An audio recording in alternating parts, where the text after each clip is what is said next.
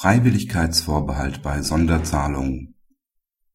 Der Hinweis in einem Formular Arbeitsvertrag, wonach zusätzliche Leistungen neben dem monatlichen Gehalt freiwillig und mit der Maßgabe erfolgen, dass auch bei wiederholter Zahlung kein Rechtsanspruch für die Zukunft begründet wird, hindert das Entstehen eines Anspruchs des Arbeitnehmers auf die Zusatzleistung aus betrieblicher Übung die Arbeitnehmerin ist seit 1999 aufgrund eines schriftlichen Formular-Arbeitsvertrags bei der Arbeitgeberin als Disponentin beschäftigt. In § 3 des Arbeitsvertrags heißt es: Die Gewährung sonstiger Leistungen zum Beispiel Weihnachts und Urlaubsgeld, 13. Gehalt etc. durch den Arbeitgeber erfolgen freiwillig und mit der Maßgabe, dass auch mit einer wiederholten Zahlung kein Rechtsanspruch für die Zukunft begründet wird Während in den Jahren 1999 bis 2005 jeweils ein Urlaubs und ein Weihnachtsgeld ausgezahlt wird, erhält die Arbeitnehmerin 2006 nur noch Urlaubsgeld.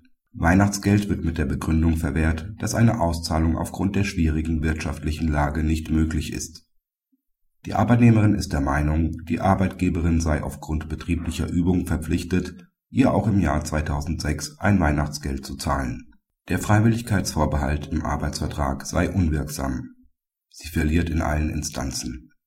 Das BAG führt aus, dass die Regelung im Arbeitsvertrag keinesfalls unwirksam ist, sondern auch nach der Schuldrechtsreform jede vertragliche Bindung der Arbeitgeberin bei der Gewährung von Sonderleistungen verhindert.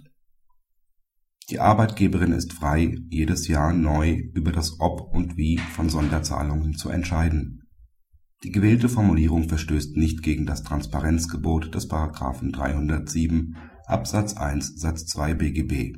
Bei einem klar und verständlich formulierten Freiwilligkeitsvorbehalt, der jeden Rechtsanspruch des Arbeitnehmers auf die Sonderzahlung ausschließt, fehlt es auch an einer versprochenen Leistung im Sinne von § 308 Nr. 4 BGB.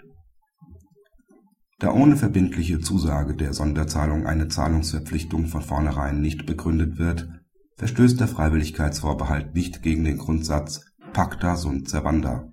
Mangels eines Anspruchs des Arbeitnehmers bedarf es weder einer Ankündigung noch einer Begründung des Arbeitgebers, warum er die Sonderzahlung in diesem Jahr verweigert. Praxishinweis Das BAG führt seine bisherige Rechtsprechung fort, wonach Freiwilligkeitsvorbehalte, sofern sie unmissverständlich formuliert, transparent und ohne Widerspruch zu anderen Regeln des Arbeitsverhältnisses sind das Entstehen von Ansprüchen aus betrieblicher Übung verhindern können